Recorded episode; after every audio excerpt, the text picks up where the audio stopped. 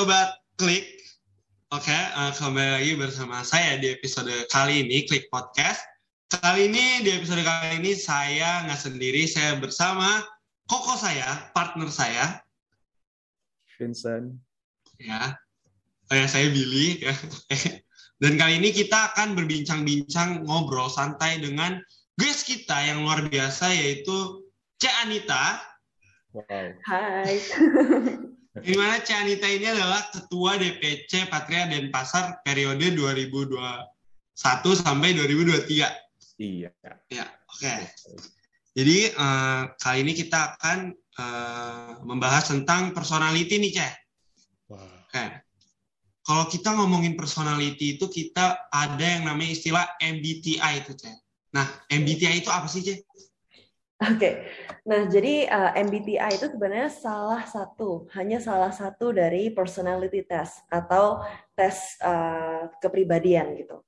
Jadi berbeda sama psychological test, MBTI ini mengukur uh, personality secara introspektif. Jadi maksudnya orang uh, yang ngambil tes itu harus memikirkan tentang dirinya sendiri. Jadi bukan orang lain yang nanya ke orang tersebut atau mungkin orang uh, kayak psikolog psikolog secara profesional uh, menganalisis seseorang dari MBTI atau faktor-faktor yang ada di MBTI. Tapi MBTI ini harus dilakukan berdasarkan keinginan, berdasarkan uh, self report ataupun introspeksi yang dilakukan oleh uh, orang itu sendiri gitu.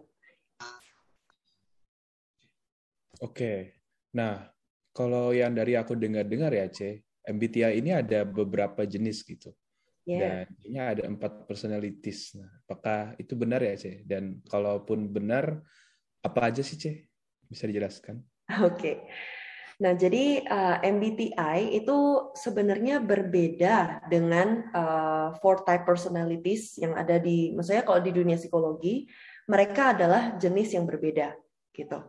Kalau misalnya empat personality itu bergantung sama yang namanya temperamen atau temperamen manusia gitu.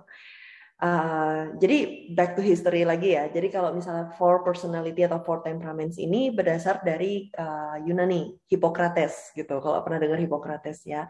Sedangkan kalau MBTI itu dia dibuat uh, berdasarkan teori personality atau teori kepribadian Carl Jung itu salah satu psikolog uh, besar juga gitu.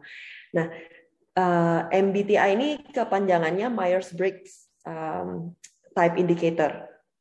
Nah, jadi tipe-tipe yang ada di MBTI memang mengandung empat faktor. Cuman itu berbeda dengan kalau orang bilang four personality. Karena ada empat faktor lain. Dibedain dulu nih ya.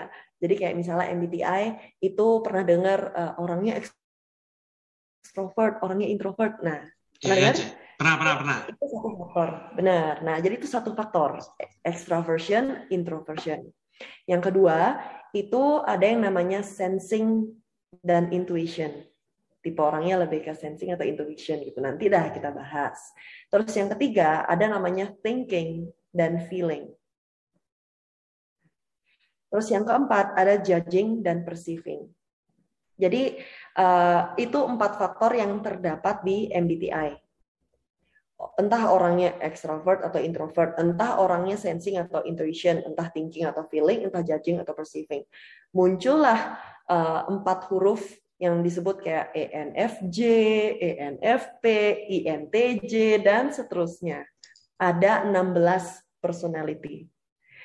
Kalau dibilang empat personality lain, udah jelas-jelas beda gitu kalau empat personality atau empat temperamen ini pernah dengar yang namanya oh dia tipe orang yang sanguin, koleris, pragmatis, hmm. melankolis dan lain-lainnya gitu.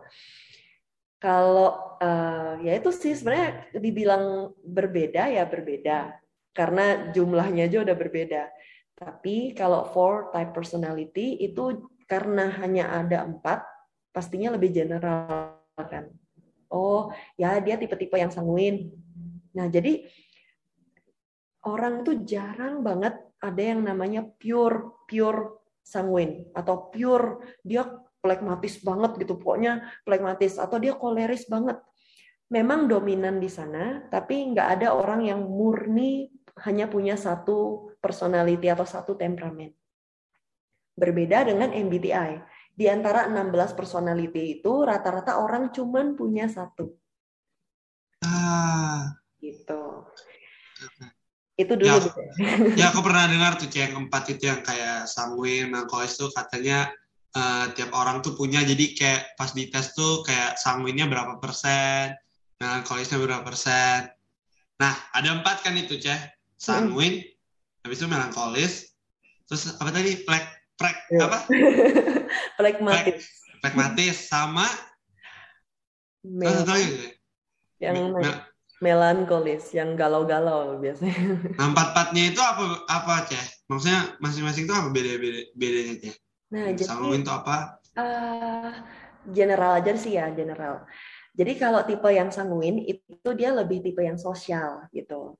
Tipe-tipe yang suka ngobrol, tipe-tipe yang antusias, yang eh, apa semangatnya lebih kelihatan gitu. Terus bis itu tipe-tipe yang optimis, terus friendly. Mereka juga uh, tipe yang cukup menyenangkan gitu di uh, di hadapan orang-orang gitu. Dia memang memang ada ada keinginan untuk menginfluence atau memberikan suatu dampak bagi orang-orang di sekitarnya gitu.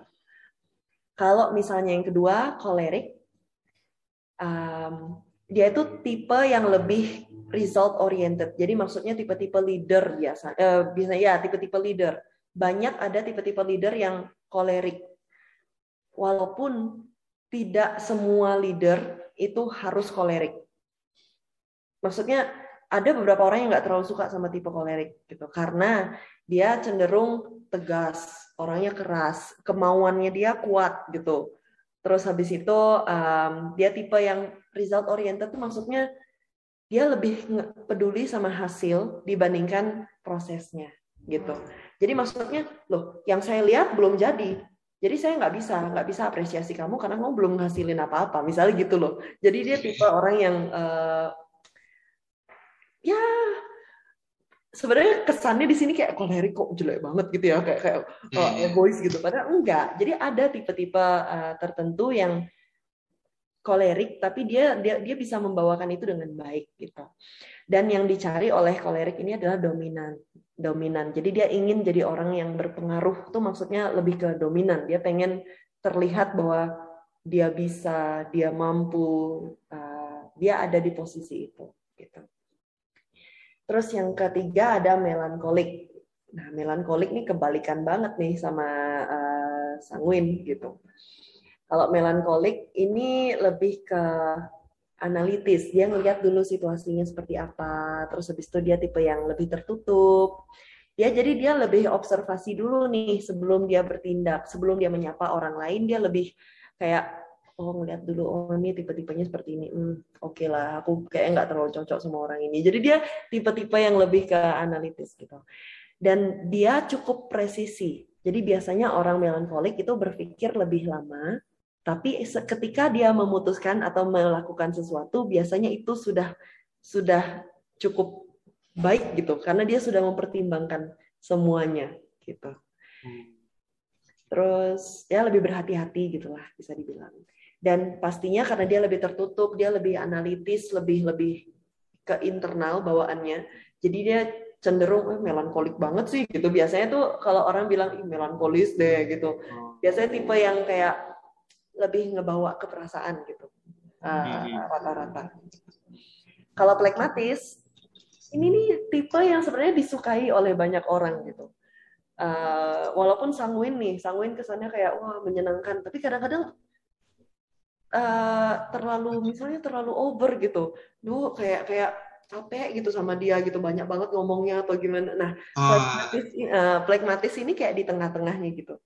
Dia tipe-tipe yang suportif. Nah, dia tipe-tipe yang sangat menghindari yang namanya konflik. Pokoknya dia nggak pengen punya masalah sama orang gitu, nggak mau nyari masalah. Kalau misalnya ada konflik, ah, adalah apa menghindar aja gitu. Atau misalnya dia kalau tipe yang melerai, ada. Jadi tipe plekmatis yang mungkin bercampur dengan personality lain, dia tipenya lebih ke melerai karena dia nggak suka konflik itu. Tapi kalau plekmatis murni, maksudnya plekmatis yang lebih sangat dominan, dia lebih kayak, aduh, udah aku males kalau ada ini ada konflik gitu. Dia tipe orang yang netral gitu, terus akomodatif. Jadi maksudnya dia pengen dia ada di tengah-tengah antara orang-orang yang terlalu dominan kolerik misalnya dan dominan melankolis atau dominan dia bisa lihat tengah-tengahnya. Terus pastinya dengan tipe seperti ini dia sabar gitu ya, tipe-tipe orang yang sabar, tipe-tipe yang cenderung lebih bijak gitu kalau misalnya melakukan sesuatu. Cuman ya lagi karena dia uh, pertimbangan ya dia hampir-hampir kayak melankolis lah, cuman bedanya lebih lebih nggak uh, sedih gitu. Lebih nggak lebih nggak melo dilihat dibandingkan dengan pragmatis eh uh, melankolis gitu. Ya, gila aku ba aku banget nggak sih kau Vincent? Oh iya. Sobat klik kalau lihat di YouTube aku senyum senyum tuh. Ini oh. banget nih pragmatis nih. Nggak suka aku wow. dia orangnya netral. Nggak mau dia ribut-ribut nggak mau. Kalau ya, aku suka aku antam ya saya tidak suka saya tidak suka uh, kalau ada konflik sama orang tapi kalau kayak lihat orang bertengkar sih ya suka-suka aja lah. Oh gitu. nah, maksudnya tapi kayak saya, ya. misal nih saya misal nih Ko Vincent nih ribut sama Ci Anita gitu kan oh, gitu. bertengkar kayak yang nggak bertengkar real tapi kayak bercanda gitu ya saya suka. Nontoninnya nah, gitu ya. Iya. suka ya memang. Um. Itu untuk for personality. Iya. Nah, tapi aku udah dengar juga ada mungkin ini personality juga kali ya namanya DISC yeah. dan influence. Ini ada hubungannya nggak atau ini sinonimnya? Nah jadi uh, four personality itu sebenarnya nyambung sama DISC nyambung. Cuman kalau misalnya sanguin kolerik melankolis dan pragmatis itu bahasa kunonya. Jadi bukan maksudnya bahasa kunonya dia tipe temperamennya. Nah Sedangkan DISC itu adalah pembawaannya. Jadi misalnya nih, oh aku orangnya sanguin, berarti aku I, influence. Gitu loh. Oh, aku melankolis, berarti aku lebih ke conscientious atau cautious, C. Nah, jadi itu sebenarnya nyambung. Jadi sanguin itu I, influence, kolerik itu D, dominance, kalau misalnya melankolik itu um, cautious yang tadi uh, aku sebutin, cautious, conscientious, uh, pragmatis itu uh, steadiness, supportive steadiness. Nah, gitu. Jadi nyambung sebenarnya. Cuman bedanya DISC itu bagaimana dia membawakan personality itu. Kalau kalau aku dengar-dengar yang empat personality yang pragmatis dan lain-lain itu lebih mengarah ke ya emosi dan karakter wataknya orang itu dan yes. ODS ini lebih ke gimana dia caranya uh, saling antar sosial gitu kan ya soalnya ah. aku pernah dengar kayak seorang leader yang baik harus punya DISC-nya kayak 50, 25, 75 harus kayak ini kalau misalnya sudah benar angkanya berarti berpotensi untuk jadi leader yang baik kayak gitu kalau DISC. Hmm. Dengar juga. bisa juga sih, tapi kan kita juga harus ingat bahwa ada beberapa tipe leader, ya kan? Nggak semua jenis leader yang A itu akan selalu berhasil membawa timnya. Karena tergantung lagi siapa yang di lead, siapa orang-orang dia yang yang ada di timnya dia gitu. Dengan siapa dia bekerja sama. Karena misalnya nih tipe orang yang uh, fully choleric, dia akan bagus bekerja dengan orang yang fully follower. Maksudnya kayak mengikut gitu, plekmatis misalnya. Walaupun bertolak belakang, tapi ya ya dia dia keras, dia butuh orang yang bisa ngikut gitu. Sedangkan kalau misalnya tipe-tipenya kolerik, eh, apa leadernya kolerik, terus habis itu tipe-tipe anak-anaknya semua pada sanguin, kreatif gitu, punya punya uh, burst of energy gitu. Dia merasa dilawan, dia merasa disaingi. Atau mungkin ada salah satu uh, anggotanya yang sama-sama kolerik, sama-sama keras kepala, sama-sama loh menurutku ini lebih baik gitu menurutku lo enggak ini lebih baik eh, ya susah gitu Uh, makanya memang tadi ada kayak 25%, 75% itu balancing sebenarnya. Jadi setiap orang itu punya balancingnya. Makanya aku bilang tadi nggak ada yang murni di satu personality, nggak ada yang murni di satu temperamen, tapi justru kombinasinya itu yang bikin mereka jadi bisa beradaptasi dengan sesama. Ya, betul betul betul. Nah, Cek, MBTI ini tadi Cece bilang uh, ini kak uh, personal personality test gitu kan Cek. Berarti kan fungsinya pasti untuk mengetahui personality kita ini apa gitu kan. Nah, selain itu ada nggak sih Cek fungsi M MBTI ini? Um, ya namanya gini deh, kita ngomong general tentang personality test. Hmm. Namanya tes kepribadian. Hmm. Pasti kenapa sih perlu ada tes kepribadian? Berarti yang pertama itu merupakan alat ukur, ya kan? Alat ukur. Nah, tujuannya alat ukur apa? Mengidentifikasi. Jadi intinya tes personality dalam bentuk apa pun itu membantu kita untuk mengidentifikasi. Sedangkan MBTI itu membantu kita mengidentifikasi diri kita sendiri. Karena introspeksi nih nilainya gitu, lebih introspektif kita jadi mengenali kecenderungan. Jadi poin atau kunci kata utamanya di MBTI test ini adalah preference. Jadi kita mengenali preference atau kecenderungan atau pilihan-pilihan hidup kita sendiri. Nah, jadi kemudian fungsi MBTI kembali lagi berarti mencari tahu preferences kita atau mencari tahu kecenderungan kita berdasarkan preference kita gitu. Tapi ya kembali lagi ya kadang-kadang kalau orang ngomongin preference susah ya kalau dari bahasa Inggris ke bahasa Indonesia gitu. Karena kalau orang ngomong preference itu berarti kan yang lebih disukai gitu kan. Kadang-kadang orang jadinya ngelakuin suatu personality test berdasarkan idealnya dia. Apa yang dianggap akan baik, apa yang dianggap orang bakal lebih suka gitu atau yang menurut dia secara normal lebih baik. Oh, misalnya nih, kamu lebih suka kumpul sama orang uh, dibandingkan dengan uh, baca buku sendiri di kamar, misalnya gitu. Terus kemudian itu padahal cuma tentang preference saja, nggak ada yang benar, nggak ada yang salah. Tapi kayak iya ya kayaknya jadi orang yang lebih lebih uh, bisa sosial tuh lebih baik gitu. Dan kemudian dia pilih itu, padahal dia bukan tipe yang seperti itu gitu. Kasiannya adalah ketika orang melakukan tes personality apa pun dengan idealnya dia, bukan tentang introspeksi dirinya dia. Dan itu yang menjadi kelemahan dari tes personality apa pun, terutama MBTI yang dilakukan oleh diri sendiri. Gitu. Betul betul itu ya betul. betul. Setuju setuju. Saya kan tidaknya prefer. Aku pengen dilihat baik gitu ya, supaya personality hasilnya baik gitu. jadinya miss deh hasilnya. Iya, mistik jadinya personalitinya, bukan bukan personality diri sendiri jadinya. Ya, kayaknya lebih baik preference itu artinya kecenderungan ya deh ya kan. Ya, jadi kita mengenali diri kita. Jadi kita belajar untuk introspeksi diri sebenarnya dengan personality test ini. Jangan malah kita mencari preferensinya orang lain apa yang kira-kira orang lain lebih sukai atau apa yang kira-kira orang di sekitarnya dia lebih harapkan untuk dia gitu.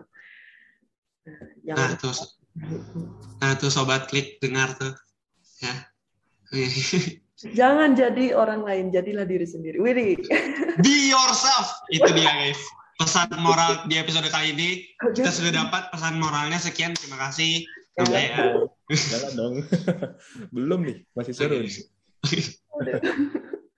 Okay. Uh, eh, dari fungsinya tadi kita udah tahu ya, berarti untuk introspeksi. Dan seberapa penting sih kita melakukan tes ini, C? Apakah ada kaitannya dengan mungkin kehidupan kita selanjutnya untuk masa depan, untuk pekerjaan mungkin, atau untuk hmm. pendidikan kita, atau gimana, C? Wah, kehidupan kita selanjutnya itu kayak kayak di masa mendatang kehidupan mendatang Um, jadi kalau dibilang seberapa penting, ditarik mundur dulu deh. Seberapa penting sih kita mengenali diri kita? Nah, Jadi di situ kemudian kita memikirkan kenapa sih personality test itu diciptakan yang pertama kali gitu. Kenapa sih personality atau kata personality itu muncul di dunia ini? Itu tujuannya adalah untuk diri kita sendiri sebenarnya. Kita jadi mengenali diri kita sendiri dan dengan kita mengenali diri kita sendiri, kita jadi tahu kita cocok di situasi yang seperti apa, cocok dengan orang yang seperti apa, atau bagaimana cara kita menghadapi orang yang mungkin kurang cocok dengan kita, dan mungkin kembali lagi seperti yang tadi, jurusan, sekolah, profesi, masa depan, itu semua jadi rentetan dari kita mengenali diri kita.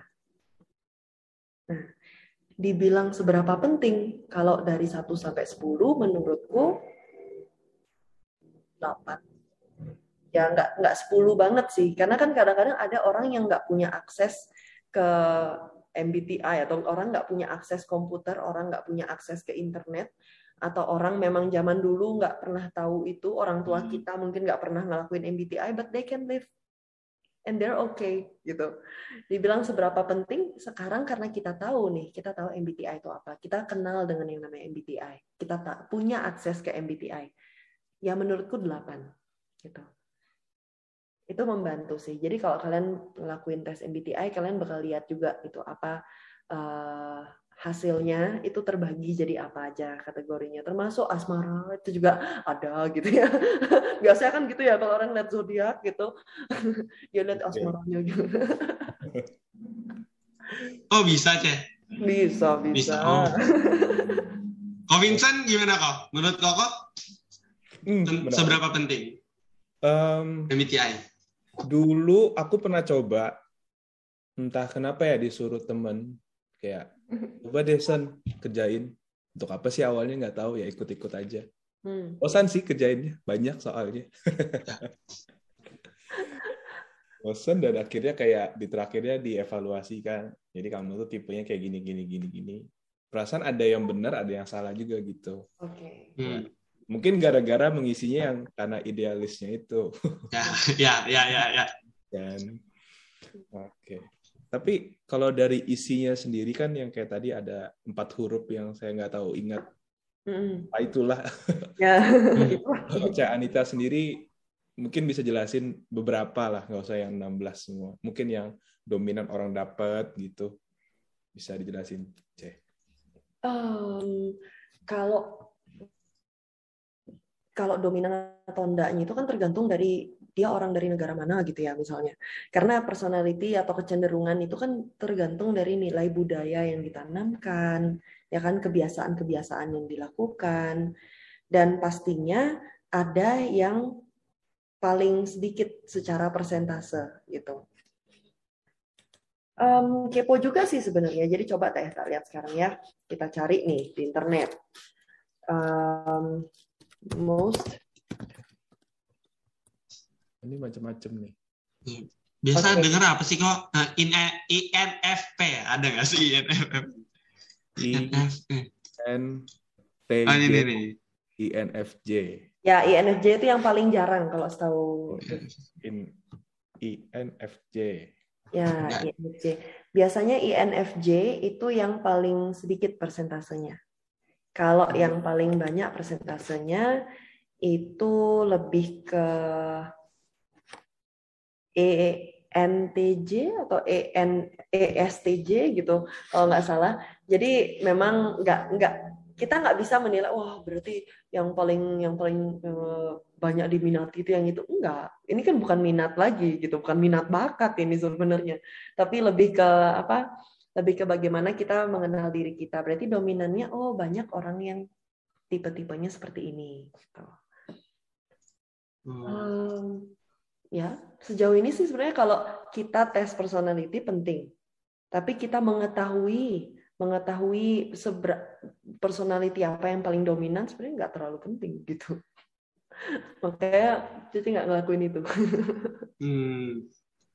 Ini sih kok dari yang aku lihat kan ada ESTJ, ada ENTJ, ENFJ, INFJ. Kalau Indonesia sih ini ya, kau sukanya STMJ kok. Oh iya iya, ah, itu cocok banget tuh sama personality Cici tuh kayak ngeblend gitu langsung. Mm, ini musim pancaroba, hujan di mana-mana. Ya. kita kok ngiklan jadinya. Oke, ini ini menarik sih. Mungkin dari sobat klik yang penasaran tentang dia dapatnya INTJ atau apa pun itu bisa dicoba sih di tes ya. Iya. Ada kesempatan. Memang butuh kesabaran kalau saya sarankan untuk mengisi ini karena mm. banyak pertanyaan banyak. dan juga uh, seperti soal-soal SMA yang susah yang ada dua jawaban kemungkinan benar. Mm. ya. Kalau bahasa Indonesia ya biasanya itu ya kalau ya. Bisa bahasa Indonesia, bisa Inggris kadang. Tergantung oh, iya, iya. menyediakan. Um, kalau saran sih buat teman-teman uh, podcast nih yang lagi dengerin uh, podcastnya, yang buat teman-teman yang mau tes MBTI itu memang harus sediakan waktu, harus sediakan keinginan karena kita harus mulai dari diri sendiri, namanya introspeksi gitu kan. Nah, nggak bisa kayak Vincent kerjain ini ya susah gitu. Mungkin kayak apa sih ini? Banyak banget gitu. Jadi harus dari diri sendiri. Terus yang kedua harus sediakan waktu. Jadi jangan sampai lagi di toilet gitu misalnya ya. Ah mumpung ada waktu di toilet gitu terus ngerjain. Jangan. Jadi uh, untuk ngerjain ini butuh fokus butuh introspeksi butuh ngenalin diri sendiri dan apa yang kita rasa cocok sama diri kita Uh, jadi kalau kita sudah punya keinginan dari dalam diri, punya waktu dan tempat. Jadi pastikan kita punya tempat yang cukup baik gitu uh, untuk berpikir. Jangan di di mana ya lagi konser gitu misalnya gitu. Terus habis itu kita kayak nah. ngerjain ngapain gitu ya Cia ya? apa lagi puja bakti gitu ya misal lagi puja bakti online terus habis itu kita ngerjain MBTI gitu jangan Jangan guys, jangan sobat klik. Puja bakti, kalau bisa jangan main HP. Benar. itu. Oke. Okay. Hmm. Tapi kalau dari tadi kan uh, Cak Anita bilang ini juga ada hubungan dengan pekerjaan untuk dan karir dan juga hmm. jurusan. Uh, itu apakah memang benar-benar bisa diaplikasikan gitu untuk sosial kita dalam pekerjaan ataupun sekolah gitu atau ada mungkin beberapa pengalaman gitu, Cek? Oke. Okay. Nah, jadi uh, pertama sosial dulu nih yang paling relatable gitu ya. Jadi MBTI itu ya bisa diaplikasikan ke dunia sosial karena kita jadi mengenal uh, kembali lagi kita mengenal diri kita dan kita tahu nih, oh dia tipenya seperti ini.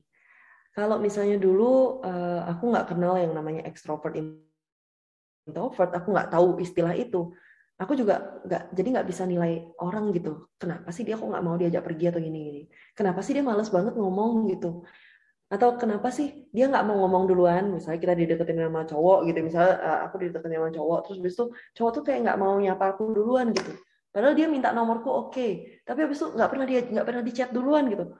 Nah berarti dari situ aku mulai kenal oh aku tipe orangnya seperti ini. Sedangkan dia kelihatannya dia kayak introvert deh gitu Nah, dari situ kemudian aku jadi belajar tentang orang itu dan aku tahu gimana nih cara ekstrovert approach introvert.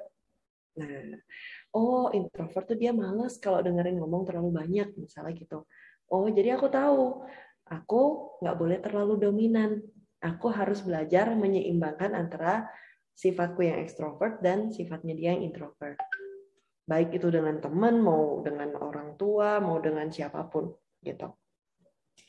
Begitu juga dengan misalnya sensing, perceiving atau semuanya lah tipe-tipe itu. Jadi dari situ kita jadi tahu nih, oh dia lebih pakai logika. Nah, misalnya dia tipe yang lebih ke thinking daripada feeling. Oh dia lebih pakai logika. Jadi kalau misalnya aku ngomong tentang uh, kayak coba deh kamu nggak nggak mikirin perasaannya dia gini gini gini gini gini. Ya aku mikir tapi aku nggak mikirin perasaan. Gitu. Ya karena dia logis tipenya. Ya kalau memang dia salah ya dia salah. Misalnya gitu. Ya tapi kan dia ngelakuin ini untuk ini gini-gini. Nah itu bedanya tipe orang thinking dan feeling. Kita jadi tahu kalau misalnya kita uh, belajar MBTI ini gitu. Terus banyak sih hal lain yang benar benar bermanfaat di dunia sosial khususnya atau di masyarakat.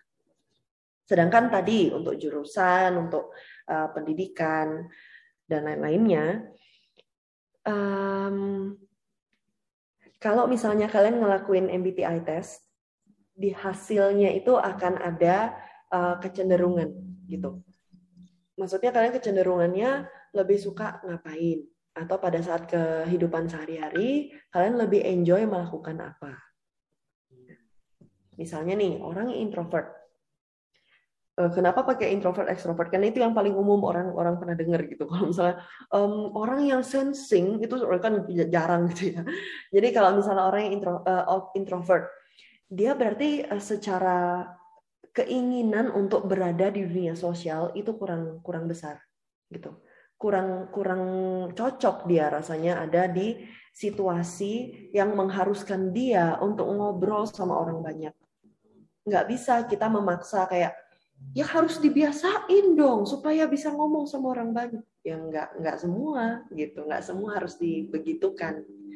Jadi uh, misalnya orang-orang introvert dia ada uh, ininya uh, sarannya. Dia mungkin nggak bisa kerja sebagai telemarketer atau orang yang nawarin banyak produk orang yang harus bisa ngomong dengan dengan baik dengan persuasif dan lain-lainnya mungkin dia tipe ke oh dia cocok nih kalau misalnya kerja sebagai uh, finance misalnya finance uh, atau misalnya software developer atau sejenisnya yang tidak berhubungan dengan banyak orang.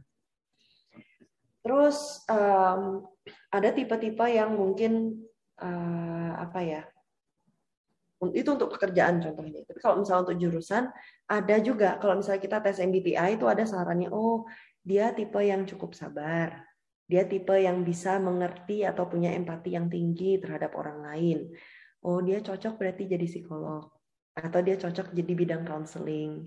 Nah, jadi uh, dengan kita tes MBTI itu kita ada platformnya untuk tahu bahwa kita cocok untuk apa. Misalnya kita tes online uh, yang sebenarnya sudah secara result sudah udah full dah kita dikasih semua deskripsinya. Itu bagus. Tapi kadang-kadang ada yang sekedar tes uh, informal aja, terus kita kemudian tahu, oh kita lebih ke ESFJ, misalnya gitu. Apaan ESFJ gitu ya? Uh, kita cuma tahu, oh kita ekstrovert, kita sensing, kita feeling, dan kita, nah kayak gitu. Kalian bisa cari itu di internet. Jadi ketik aja ESFJ. Nah dari situ kemudian bisa ada kelihatan uh, ininya apa namanya jenisnya maksudnya kayak oh uh, ternyata lebih uh, secara profesi aku lebih cocok di sini. Oh secara ini gini contoh nih. Boleh share screen nggak teman-teman? Boleh sih boleh oke. Okay. mau share screen dulu ya. Mana tuh gimana cara share screen? Oh ya gini ya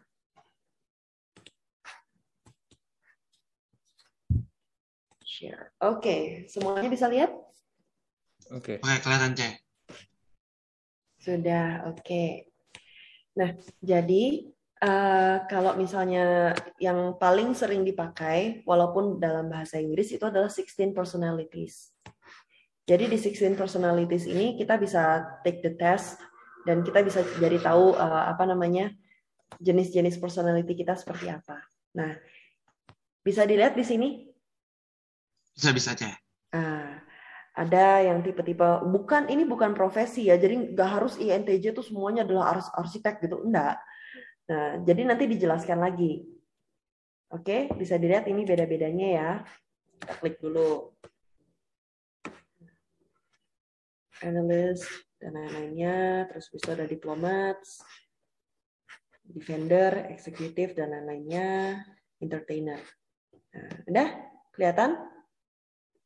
Yes. Kelihatan, Cek. Contoh nih, tak spill deh, tak spill. Uh, aku tipenya protagonis. Nah, jadi aku adalah ENFJ. Oke. Okay. Charismatic and inspiring leaders. Wih, asik. yeah. Oke, okay, kita klik dulu ya. Jadi nanti kalau misalnya kalian ikut tes seperti ini, itu langsung dikasih tahu. Bisa lihat di sini. Ada strength and weakness, romantic relationships, friendships, parenthood, career path, workplace habits, dan lain-lain. Sudah lengkap kan? Nah, Jadi di sini kalian bisa tahu kelemahan sama kelebihannya kalian apa dan bagaimana kemudian itu uh, berpengaruh sama kalian di dunia sosial. Ada juga nih parenthood. Kalau kalian sebagai orang tua, kalian tipe yang seperti apa? Kecenderungan kalian untuk membiasakan anak kalian seperti apa? Itu ada di sini. Gitu. Misalnya nih career path. Oke, okay, career path. Kita lihat di sini. Nah, when it comes to choosing a career, protagonis itu merasa terpenuhi panggilannya dia ketika dia menolong orang. Gitu.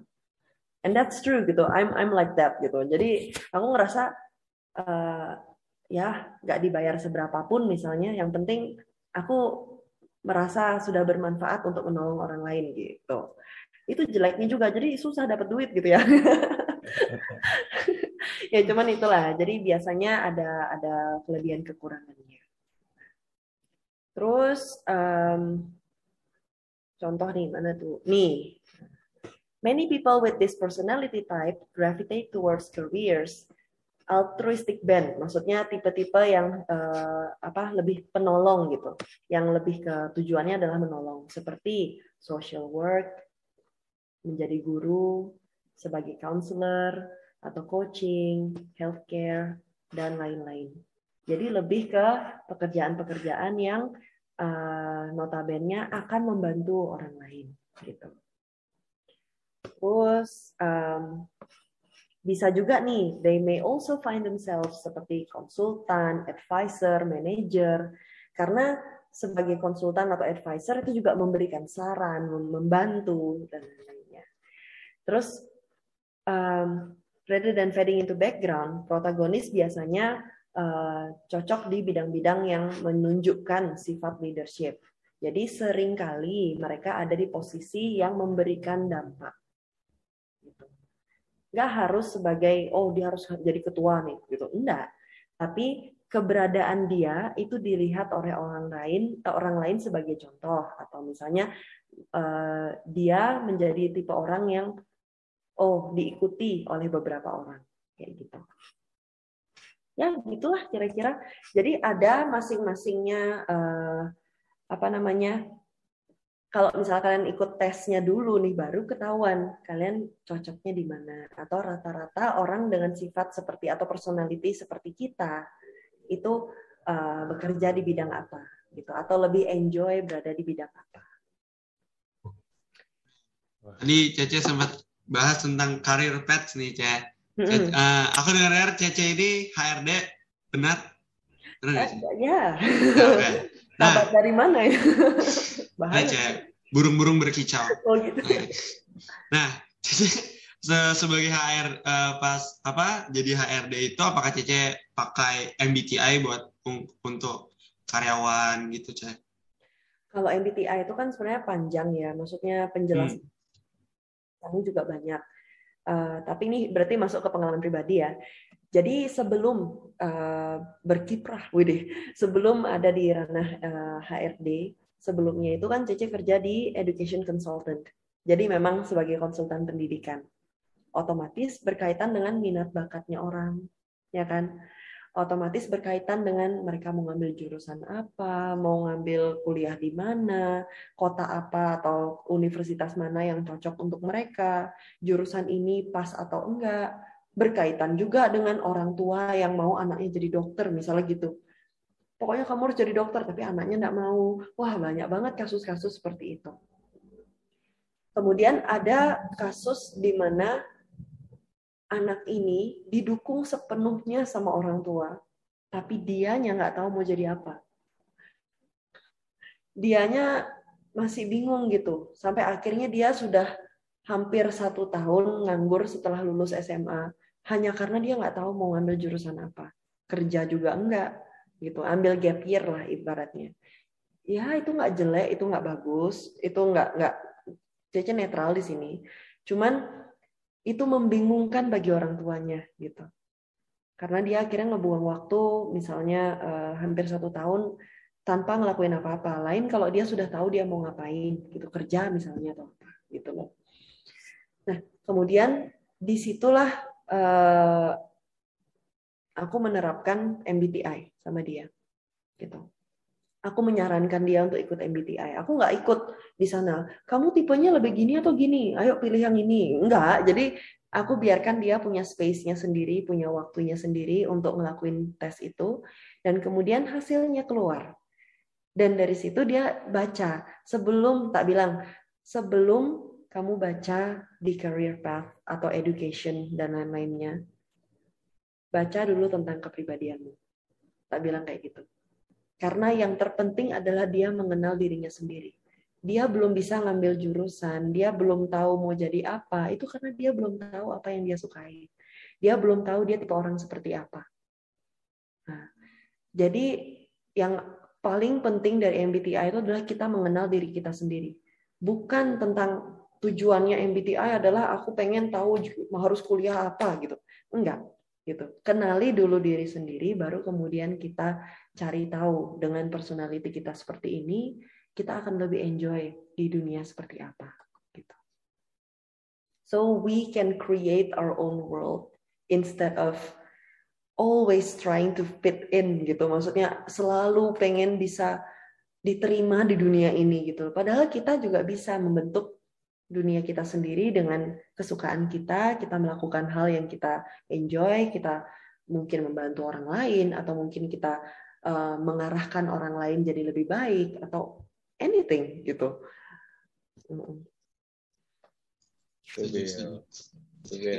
Ya kalau Habis ini habis habis ini tes ya, habisnya tes lihat ya. lihat relationshipnya apa. Nah, oh. Siapa tahu nyambung nih sama episode klik yang sebelumnya ya. Oh, gitu. Katanya kan sama yang jualan pakaian nih, Billy nih. Nah, nanti dites aja Bill apakah benar seperti itu ya. Oh, aduh. Boleh, boleh, boleh. Oke. Okay. Uh, ngomong-ngomong tentang jodoh dan relationship nih, C. Hmm. Ya, aku sempat terpikir dan beberapa kali dengar dari orang. Misalnya kayak kita ambilnya ekstrovert introvert aja ya. Ya. Ya. Cowoknya introvert, ceweknya introvert. Cocok lah mereka, makanya itu jodoh katanya. Makanya itu bisa uh, pacaran atau gimana. Tapi di sisi lain aku juga mikir kayak bisa jadi dari kedua uh, kepribadian ini juga saling mendukung gitu loh misalnya melengkapi kekurangannya masing-masing. Nah itu kalau dari pengalaman Cece sendiri gimana? Okay. ini. Um, Widih, ini ini harus harus ini dulu nih diluruskan dulu nih. Maksudnya uh, ketika kita ngobrol tentang relationship itu adalah hal yang berbeda. Karena ketika kita ngomong tentang relationship, kita akan berbicara tentang orang yang akan kita ajak selamanya gitu. Lain kalau misalnya kita memang untuk casual casual relationship gitu, maksudnya aku pengen pacaran sama orang ini ya dua bulan aja gitu. Ya kan nggak nggak gitu gitu ya. Maksudnya kita nggak nggak nggak selalu bisa ngatur itu. Dan kita kalau memang bisa lanjut dan ternyata lanjut ya sudah gitu. Ya kan? Otomatis kita harus cari orang yang kita bisa ajak cocok dan kita bisa ajak bareng sampai lama. Secara nggak langsung tim dong. Kita harus jadi tim. Nah, ketika orang punya konsep, oke, okay, we're we're the same team gitu, we're one team. Biasanya kita kerja tim itu lebih dari dua orang biasanya, ya kan? Jadi ada yang ngelakuin ini, ada yang bisa di bidang ini, ada yang uh, apa oh dia lebih lebih penenang nih misalnya pada saat lagi situasi stres dia bisa nenangin teman-teman pada saat ini oh yang ini tahu nih bisa bagi tugas dia dia bisa bisa jadi leader di situ. Atau misalnya itu kalau kita kerja tim but relationship works differently. Terkadang kita jadi terbiasa berpikir bahwa oh tim itu ya harus saling melengkapi. Memang. Tapi bukan berarti tanpa pasangan kita kita tidak lengkap.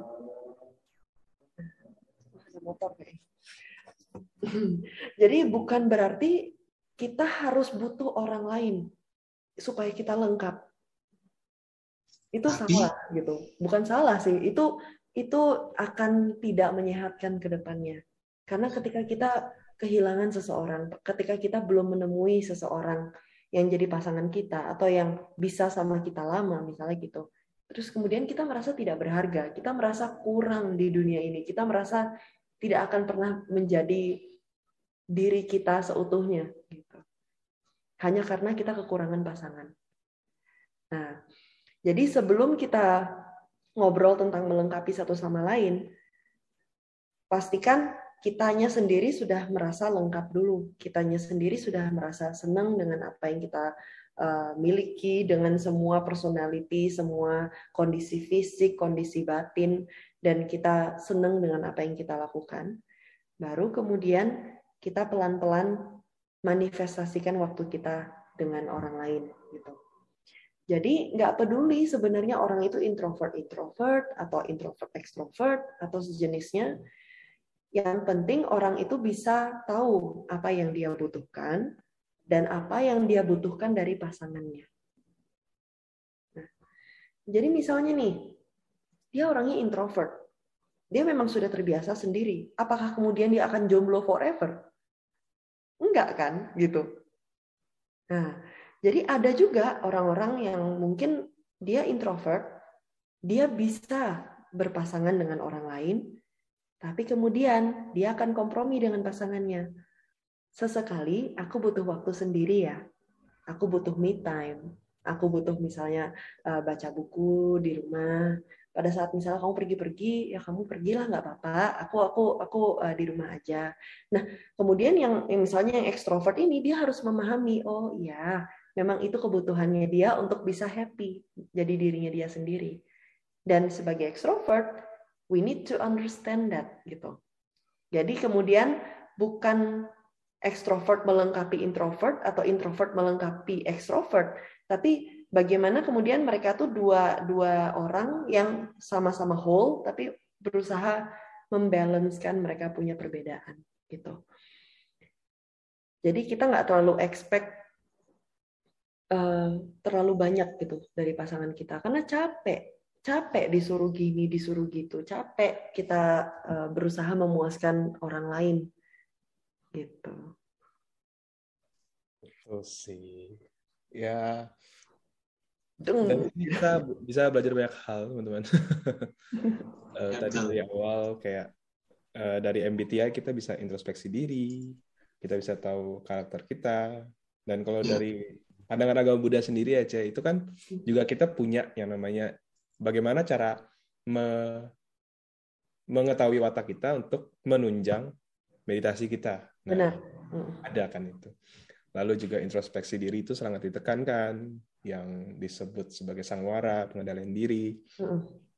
Dan juga ada hubungannya sih pasti. Dan saling, kalau zaman sekarang itu namanya open minded ya. Kalau yang tadi tentang relationship kan harus membalancekan dan harus memahami juga mengerti orang lain ini senangnya ini loh dan kita bukan jadi kita me menghargai apa yang dia sukai itu wah Benar.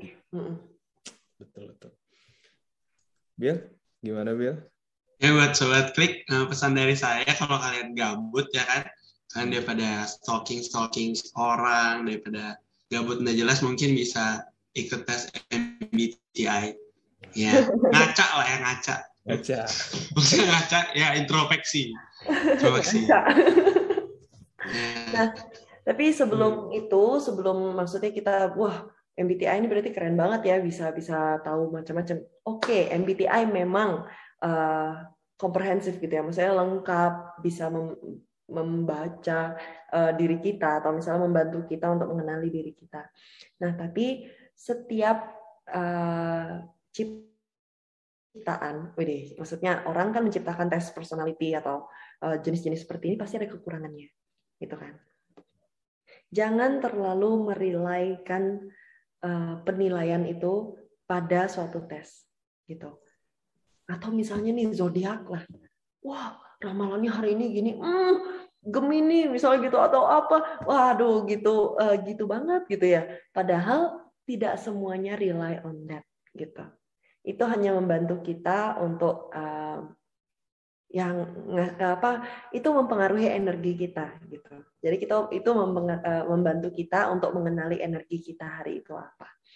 Tapi kalau personality test itu terutama MBTI karena dia berbasis pada diri sendiri, berbasis pada preferensi dan terkadang orang-orang bisa berubah seiring berjalannya waktu. rata-rata psychological test atau personality test itu hasilnya sama. Dan kalaupun berubah itu tidak jauh, berubah tipis seiring berjalannya waktu.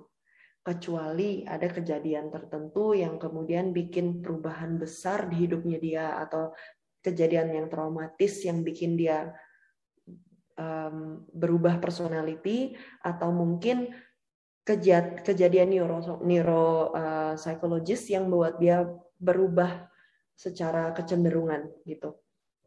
Gitu. Atau mungkin ada ada kecenderungan psikologis misal bipolar atau sejenisnya di mana dia misal tes pada saat ini dia ES apa misalnya gitu. Kemudian tes berikutnya ternyata dia INTJ gitu. Jadi kan um, beda gitu ya. Uh, itu bisa terjadi di MBTI jadi MBTI tidak selalu membaca atau meramalkan bagaimana orang itu akan berubah gitu. Misal contoh dulu uh, aku entertainer. Jadi kalau entertainer itu di MBTI itu apa ya? Entertainer itu ESFP, ESFP. Ternyata sekarang aku ENFJ. Jadi ada beberapa yang berubah gitu. Tapi itu juga pas kuliah dulu ya, pas tahun 2000 2013 kayak 2013 atau 2014 tes itu ESFP. Nah, sekarang ternyata berubah ENFJ gitu. Nah, jadi ada ada perbedaan berarti. Apakah aku kemudian uh, double personality gitu? Enggak. Nah, jadi intinya jangan terlalu rely so much gitu on the test, tapi rely on yourself. Supaya kita nggak apa terlalu kemakan sama apa yang kita baca gitu lah. Apa pun itu. Betul itu Bet. Walaupun banyak quotes quotes yang bisa kita tangkap ya di episode kali ini ya guys ya. Walaupun fungsinya kan untuk mengacak tadi ya kayak Billy bilang. Tapi belum tentu apa yang dipantulkan dari kaca itu menggambarkan kita juga gitu ya. Ada error ada faktor eksternal yang lain juga internal yang membuat itu jadinya berbeda secara fakta. Jadi jangan terlalu terkait juga ya. ya. Misalnya ya, benar tuh. benar benar. Dan ada yang kayak uh, contoh ada ENFP, ENTJ dan lain-lain E E E E E depannya. Mereka semua ekstrovert atau mereka semua dominan di extraversion. Misalnya gitu. Tapi tidak semua orang ekstrovert sama Ya kan? Misalnya nih, oh kita sesama ekstrovert, misalnya gitu. Tapi ada ekstrovert yang ESFP. Oh, ada ekstrovert yang ENTJ. Oh, ada ekstrovert yang apa? Nah, jadi tes MBTI ini tidak bisa digeneralize, tidak bisa digeneralisasikan. Tapi bisa diaplikasikan. It can be applicable, tapi kita nggak bisa menggunakan hasil tes kita untuk menjudge orang lain. Bukan tidak bisa, bisa aja kalau kita mau. Tapi what's the point? Karena ini kan introspektif, lebih ke diri sendiri sebenarnya. Mantap. Um, mantap ya Bill. Wah, nanti Billy sudah habis ngetes, habis itu langsung dapat uh, pasangan, langsung bisa ya, sadu, sadu, sadu. Ya, sadu, sadu, sadu. sadu, sadu aja. Oke. Okay ini mungkin sudah cukup banyak ya, C. Dari awal sampai akhir tadi kita bahas dari pekerjaan, jurusan, sekolah sampai ke jodoh juga. Nah, mungkin dari hmm. yang terakhir ini dari Cece ada pesan apa nih untuk sobat klik untuk semuanya? Um, tentang MBTI atau tentang apa ini? Nah, MBTI boleh tentang kehidupan. Ya, kan mungkin juga ya follow Instagram saya itu kan nggak mungkin gitu ya pesan pesan yang tidak penting itu. Jadi kalau misalnya untuk uh, eh, MBTI sendiri gunakanlah dengan bijak gitu. Kusarankan ikutlah tesnya, nggak apa-apa. Itu memang tes yang uh, cukup apa ya, cukup menarik untuk kita ikutin sebenarnya. Apalagi sabar-sabar dikit lah ngisi ngisi soalnya gitu. Tapi pada saat akhirnya we will know a lot about us gitu, about ourselves. Tapi kemudian lagi kembali lagi jangan terlalu rely uh, on that gitu. Jadilah diri sendiri tetap dengan apa perubahan kita, kita sadari uh, oh kecenderungan kita ternyata sudah berbeda dengan apa yang dibilang di hasil MBTI-nya. Dari situ kita kemudian mengenali diri kita terus menerus gitu never stop learning about yourself. Itu dia guys. Tapi memang Janita mantap. Oke. Okay. Oke, kayaknya cukup ya eh, bincang-bincang uh, kita di episode kali ini, uh, Ceh. Okay, thank you uh, atas ini ya apa uh, ilmunya. Oke, okay. ya cukup sekian segitu saja sobat klik. Uh, sampai berjumpa mungkin saya ada di episode selanjutnya. Mungkin oke. Okay. uh, selamat siang selamat sore selamat malam udah ya. Bye. Bye. Oke. Okay. bye sobat klik. Sobat klik